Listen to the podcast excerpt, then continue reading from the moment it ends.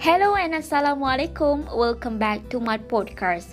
It's me Nur Shahadin. I'm a student of Faculty Business and Management, University Technology Mara, Campus Puncak Alam.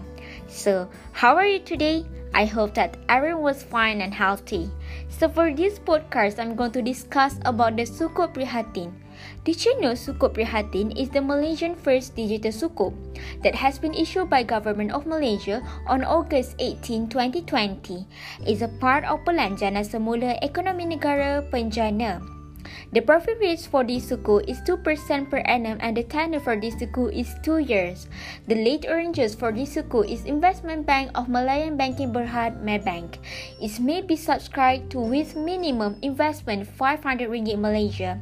The purpose issue this sukuk because it will help rebuilding of our nation post COVID-19. So what are you waiting for? Let's subscribe this sukuk for our beloved country Malaysia.